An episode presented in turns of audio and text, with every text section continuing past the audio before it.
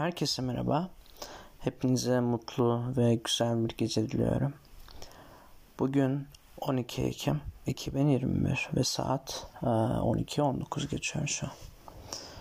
Bu defa sizlere e, Schopenhauer'un Toplu Eserler isimli e, kitabından bu arada bu kitap Dorleon yayınlarına ait.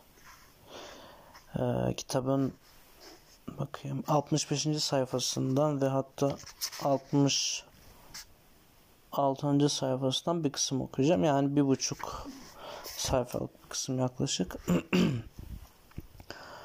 Bu defa e, okuyacağım kısım e, intihar üzerine.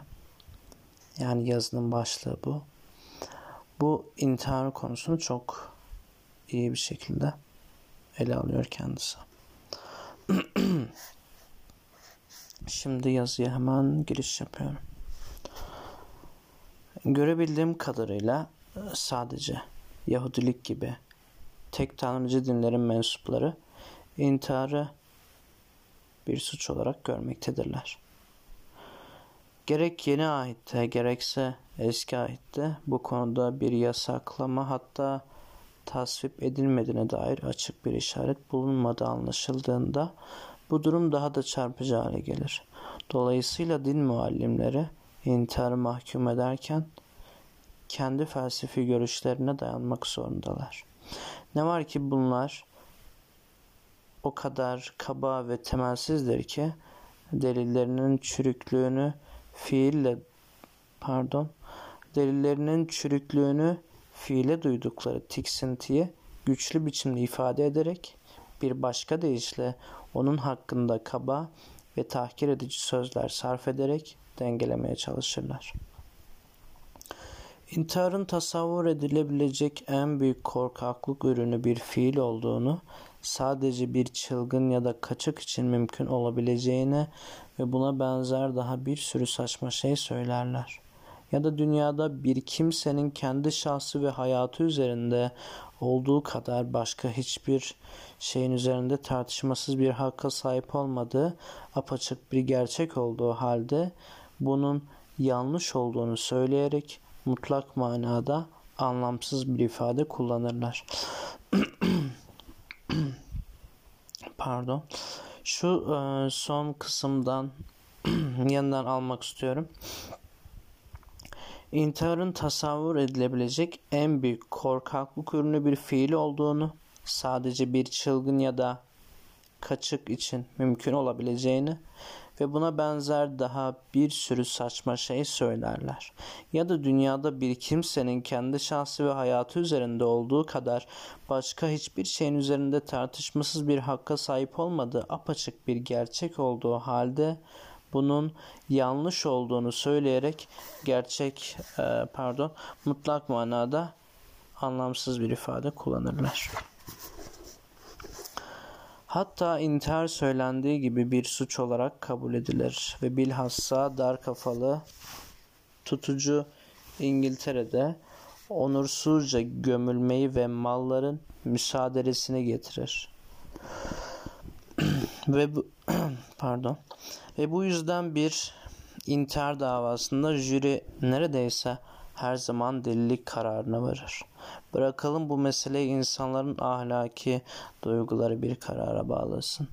Bir dostun bir suç işlediği, söz gelimi bir cinayet, gaddarca veya düzenbazca bir fiil işlediği ya da hırsızlık yaptığı haberinin insan üzerinde bırakacağı tesirle aynı kişinin kendi iradesiyle kendi hayatına son verdiği haberinin tesirini karşılaştırın.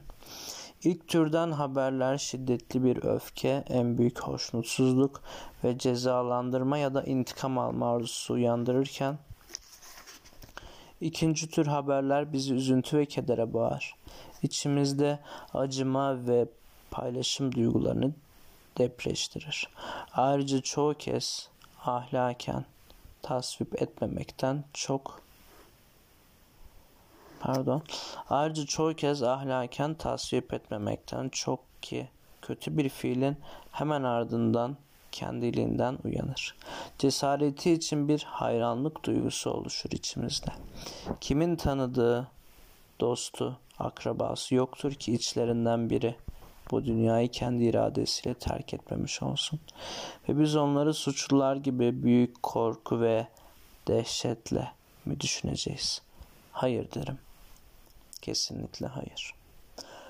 Tersine ben o kanaatteyim ki yetkilerini çoğu kimsenin takdir edip yücelttiği ve bizim de en azından içimizde acıma ve paylaşım duygularını uyandıran bir fiili kürsüden yahut yazılarıyla bir suç olarak damgalamak için kullandıkları ve kendi özgür iradeleriyle bu dünyayı terk etmiş olduk terk etmiş olanları onuruyla gömülmekten mahrum ettikleri için rahip zümresine mutlaka meydan okuma, okunmalıdır.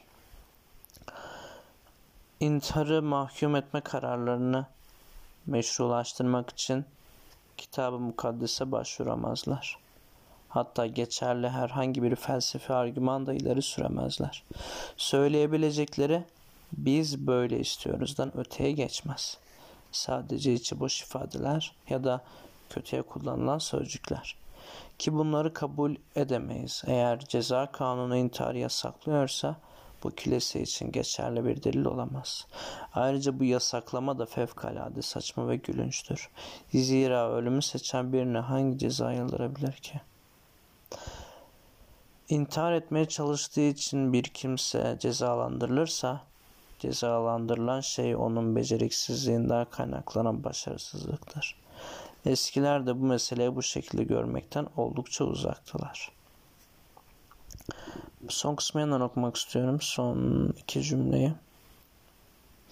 İntihar etmeye çalıştığı için bir kimse cezalandırılırsa cezalandırılan şey onun beceriksizliğinden kaynaklanan başarısızlık, başarısızlıktır. Eskiler de meseleyi bu şekilde görmekten oldukça uzaktılar.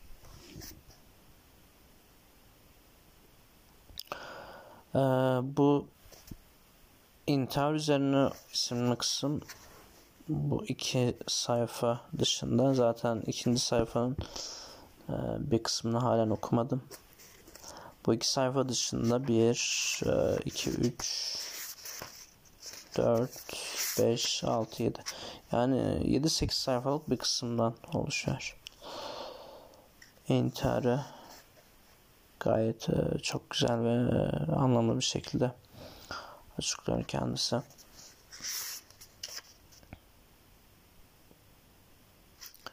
Düşüncelerimiz çokça uyuşuyor. O yüzden Schopenhauer'un görüşlerine çokça benimsiyorum. Kendi öğretilerini barındıran bu kitabı da tavsiye ederim açıkçası. Okumak isterseniz eğer. Bu e, Dörlyon yayınlarına ait başta da söylemiştim.